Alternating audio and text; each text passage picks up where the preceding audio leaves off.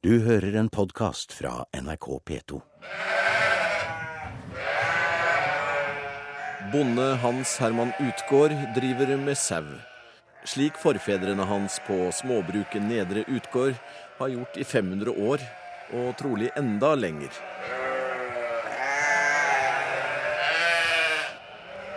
Det var fantastisk, altså. Det er sånn lyd altså, det er Et par av dem der inne har jeg rett og rett lyst til å sende rett på slakteriet. De er så bråkete og holder på hele tida. Så sant du viser deg.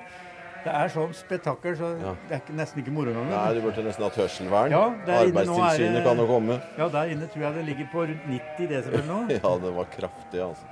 Utrolig.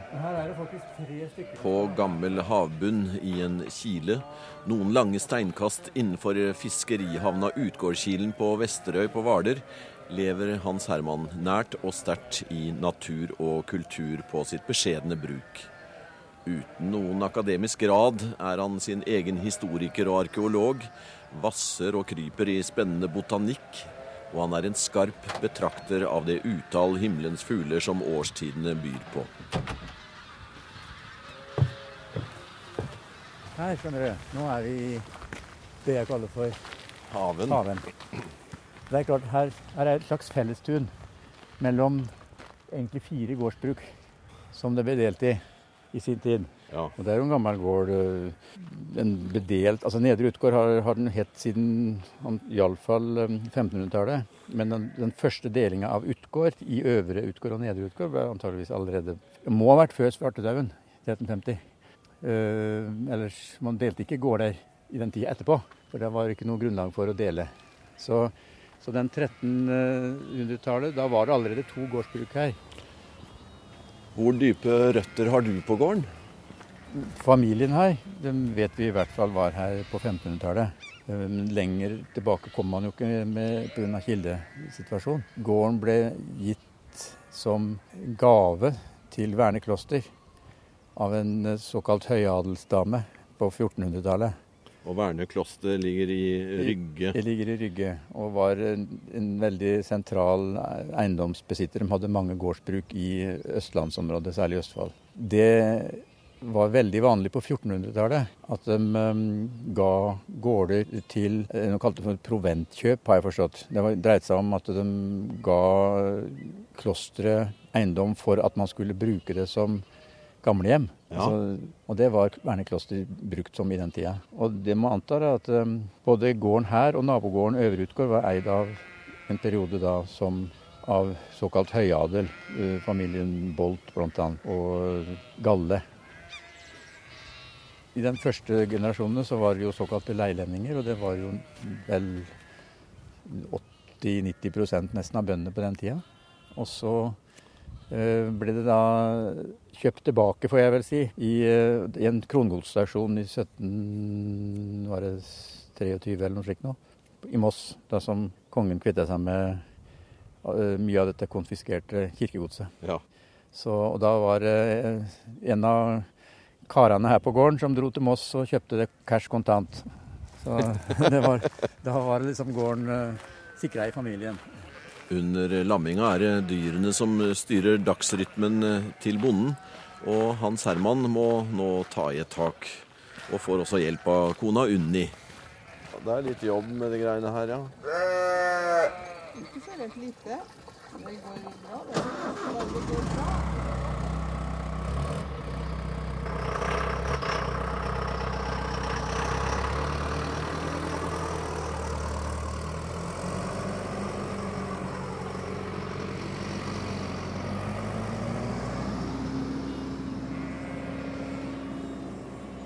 Ganske, stort sett ganske lei av sauer i slutten av mai. For da er det sånn at når du har tømt fjøset for sau da, så er ikke jeg inne i fjøset på eh, flere uker. Nei. For det er tomt. Og da kan du stå der med bøtter med vann da. Når du skal sove, teller du sauer, du, eller? Det hender. En eh, regnbyge har eh, jaget oss under tak, og Hans Herman følger årvåkent med på søyenes oppførsel nå like før noen av dem skal lamme.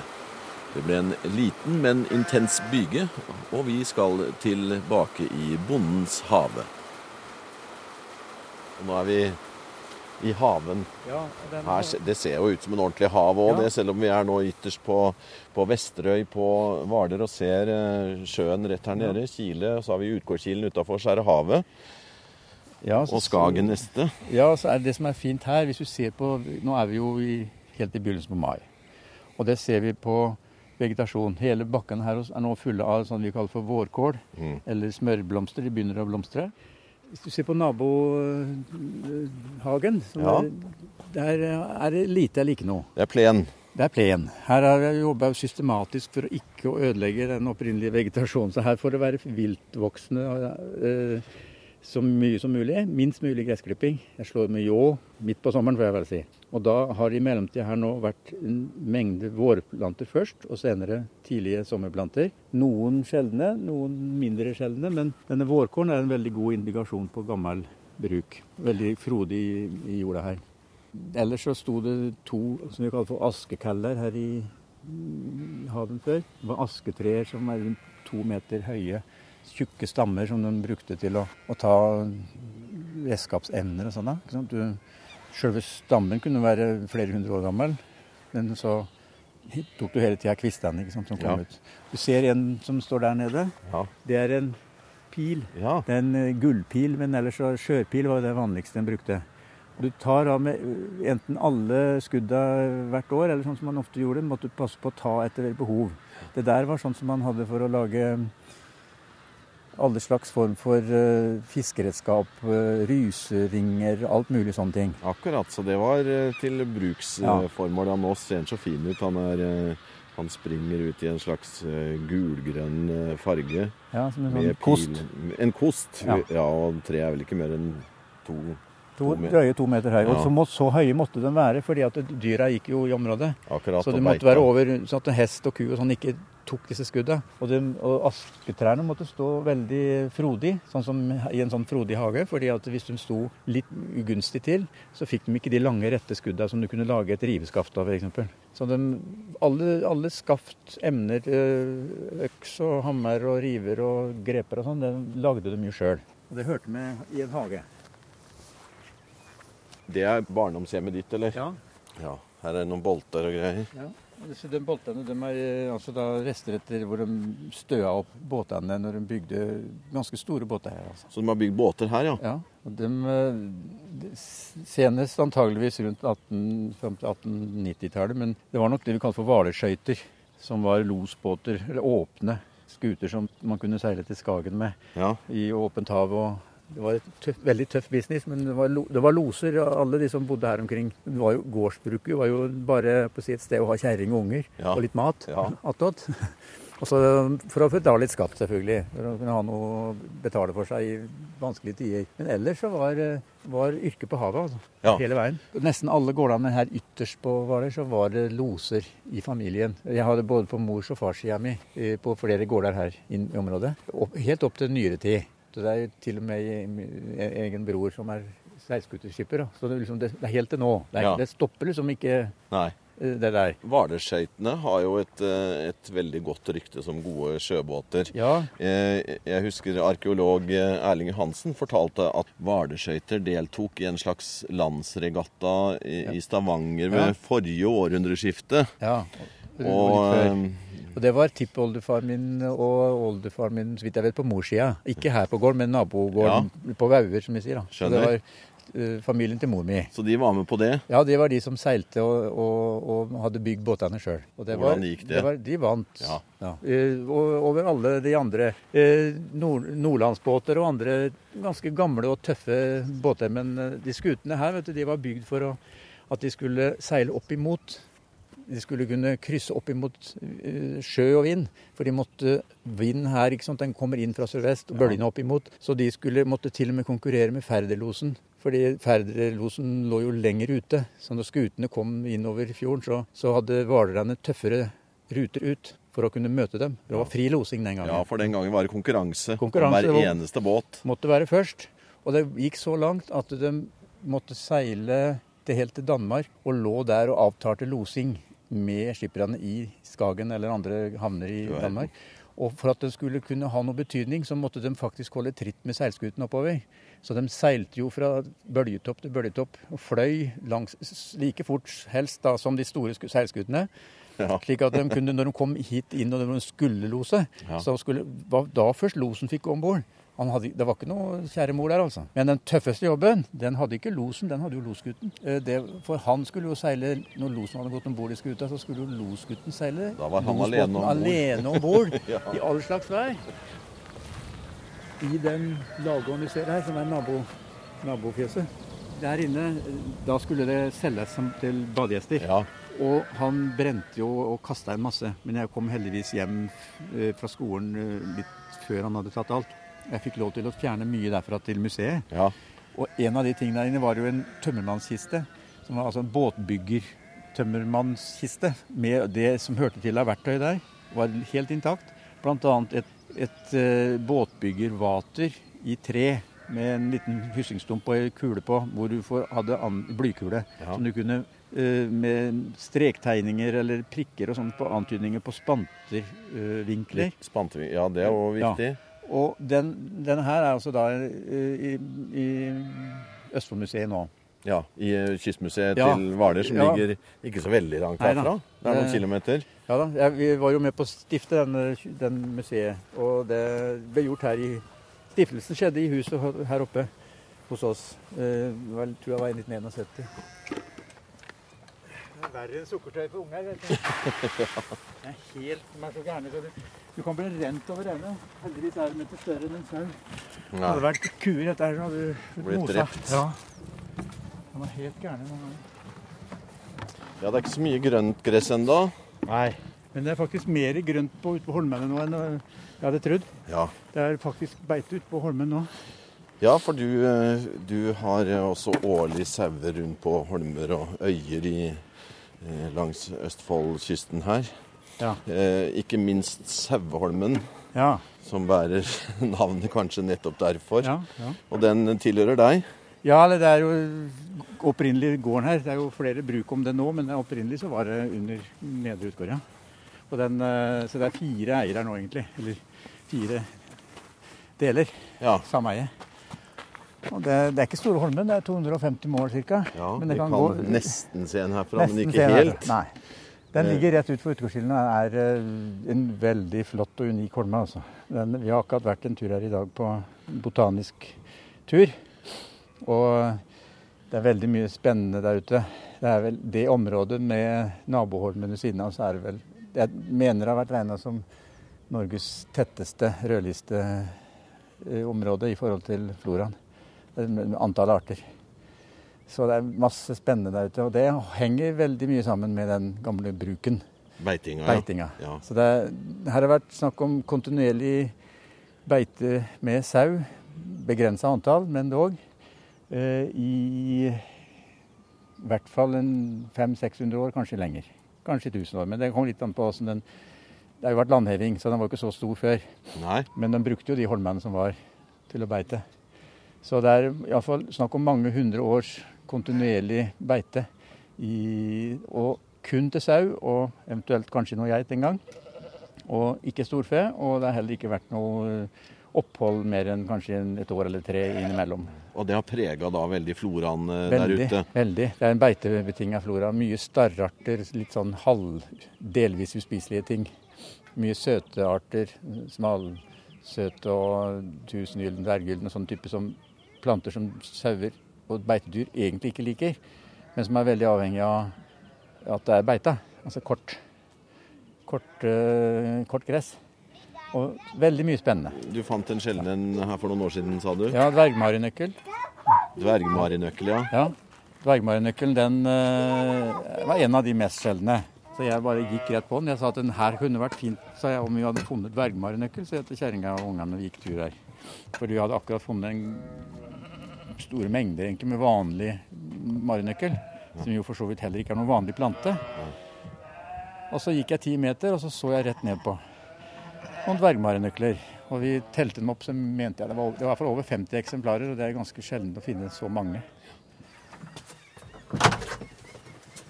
Det går så best å ta seg på bena, så blir kjerringa gæren. Ja, det er ikke bare kjerringa, det er for så vidt. Det var flere som syns det blir Nei, ille å ha er på en sånn gård, så er jeg vel nesten nødt til det. ja, det er- Ja, her var det godt og lunt. det er litt lunere inne. Det er varmere i Glohaugen, så Oi, se her, ja. ligger kjerringa og slapper av også. På, Ja, godt i ryggen. Det er lørdagskvelden og greier. Er det det? Ja. Ja, jeg vet ikke. Jeg følger ikke med på dagene, jeg. Jeg er- Det er administrasjonsavdelingen på gården.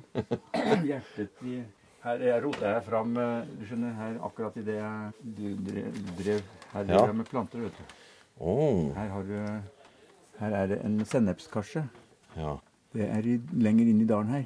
Uh, myra inni, på gården lenger inn i gården. Ja. 26.05.2011. Akkurat pressa i Fredrikstad Blad. Ja, dette skal, dette skal inn på en sånne ark, og så leverer jeg det på Universitetet i Oslo. da. På samlingen der, botanisk. Akkurat. På Tøyen. Er det oppdrag, eller er det Ja, jeg, alle, det er jo fritt fram for alle, det. for så vidt, Ja. Men jeg er med i Botanisk forening, og så, Ja. og så gjør vi det. Her er Krusheimmålet. Hva kalte du den? Krusheimmål. Krusheimmål, ja. Høymol. Og det er noen som er artige her, da. Blant annet så Ja, her var det en, en ny art her. Kjempeturt. Den kan bli på nesten en, ja, godt og vel halvannen meter, tror jeg. Sånn på den Kjempeturt, ja. turt. Det, høres ut som noe Urt, men Ja. det er Ja da, det er masse rart. Hundesennep, eh, åkergull. Det høres noe veldig flott ut, men det er et ugress. Jeg samler veldig mye på ugress. ja. Sånn For eh, besøkende virker kontoret til Hans Herman Utgård sterkt eh, uoversiktlig.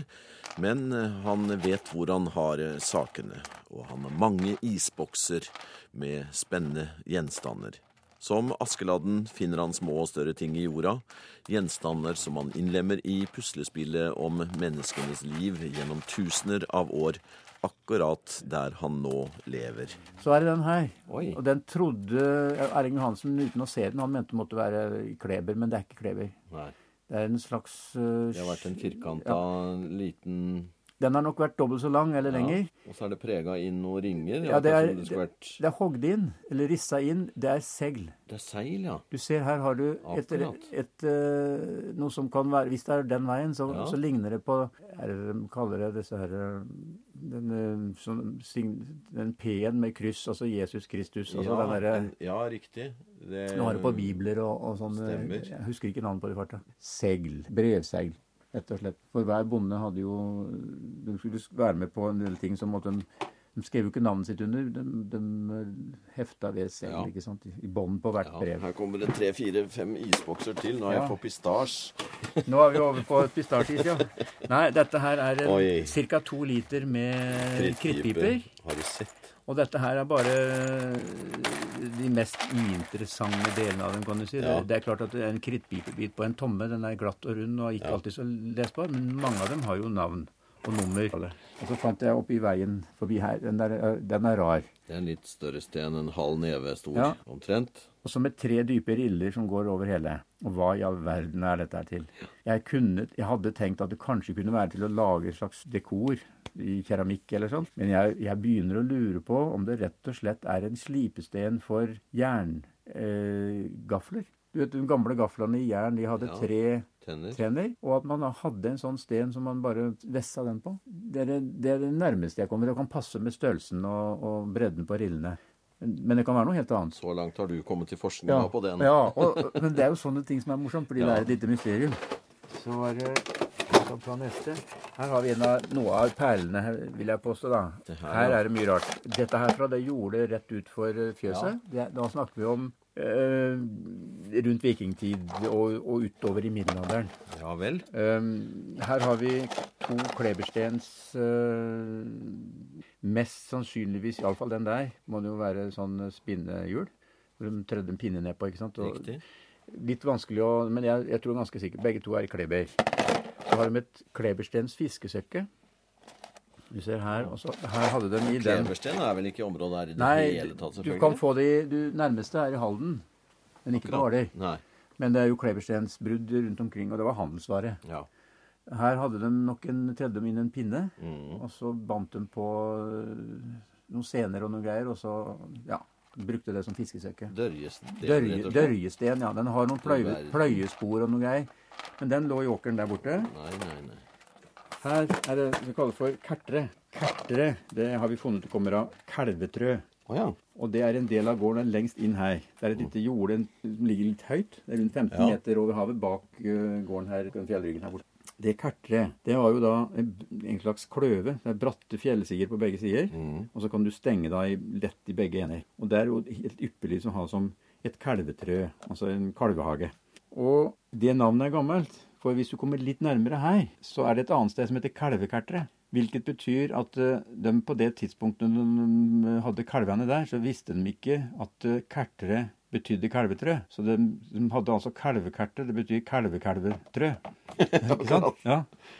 Og den bruken av kalvekertere, det, det er et bruk som eh, slutta på rundt 1800, altså 200 år siden. Det betyr at det opprinnelige bruken av kertere er mye eldre enn det igjen. Men i kertre, som er litt høyt, der fant jeg noe rart. I tillegg til flint og en del sånne andre litt ubestemmelige flintdeler, sånn, så fant jeg denne her, som jo også er flint. Men denne her er jo veldig godt bearbeida. Absolutt. Og det kan være bare én av tre ting. Det kan være en flint, rest av en flintdolk, flint, stor flintkniv, eller en helst en flintsigg.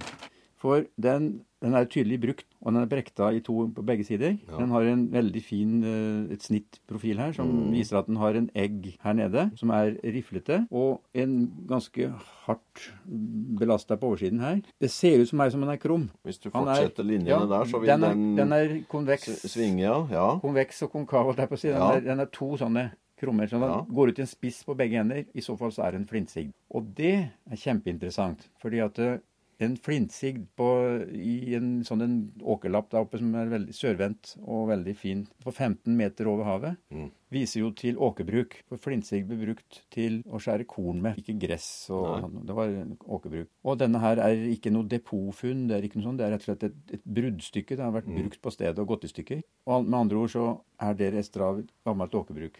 Og da snakker vi alvor, holdt jeg på å si. For det er jo en tidsepoke nå, overgang Altså yngre bronsealder til, til eh, og, og eldre jernalder. Og det har jo vært diskutert mye eh, lokalt om det i hele tatt har vært bosetning i området her stenalderen, hvor det var mye, mye boplasser ikke sant? Fra, fra yngre stenalder. Og jernalder. Man har ikke funnet noe bosetning fra bronsealderen. Ikke funnet noe spor etter bronsealder, annet enn bronsealderrøysene. Dette her mener jeg er en indikasjon på, pga. høyden over havet, at uh, dette er åkerbruk i bronsealder. Og da brukte man flintsigder. Det var jo ikke snakk om bronse for å bruke bronse for fattigfolk, strand, små, småbønder langs med sjøen. Og når du da ser på hvor gammelt det er, og hvor marginalt det er med liksom, Det er ikke mange kvadratmeter jord som ble brukt den gangen. altså. Da er vi liksom nesten helt i begynnelsen av denne historien nå, da. Ja, egentlig. Så den flintsigden, jeg fant den, så da, da hoppa hjertet et par ekstra slag. For meg så, så var dette her indikasjon på at uh, området har vært be, faktisk ikke bare besøkt av en og annen uh, stenaldermann på jakt etter fisk og sel og, og egg, men at han det, dette er indikasjon på den første som var bofast her og drev jorda. Og for en bonde er jo det viktig.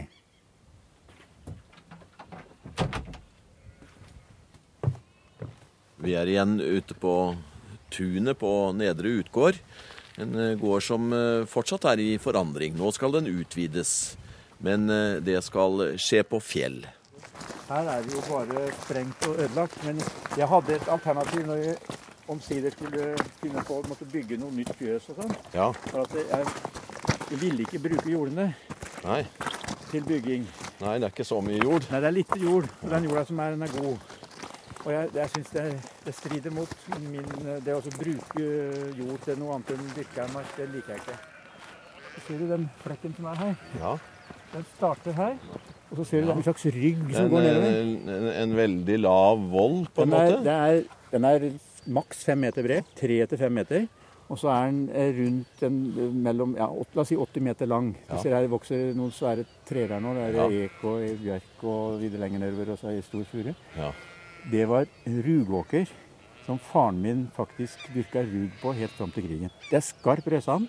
Eh, I dag vokser det bare sånn tørr naturgressbakke. Det kaller jeg eh, respekt for å ta vare på jorda. altså. Ja. Jeg har ikke hjerte til å gjøre noe annet der. Jeg burde egentlig ha hogd de trærne som står her òg, men det er, det er beita snaut ellers. Men det var en grøftekant langs med fjellet på ene siden og på andre siden, og så var det altså en tarm på altså 80 ganger 3 meter. Her var det rug, altså. Rug. Føler du at du er heldig som er på en, eh, en sånn gård med så lang eh, historie? Her har det bodd eh, folk før deg i, i flere tusen år. Ja, jeg er jo privilegert på så veldig mange måter. At en har en Du kan gå i det hele tida. Og du føler en, en sånn trygghet og en slags sånn ja, Det blir en slags tilfredshet da, ved å kunne forvalte det. Og nytt liv kommer til gården. Så må jeg inn, døtte inn hodet.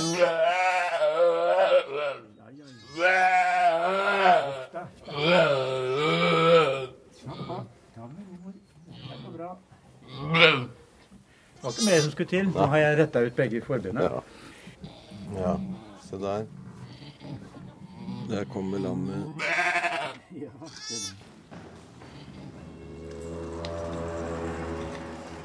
Du har nå hørt programmet Museum som podkast fra NRK. Museum sendes i NRK P2 på lørdager og søndager.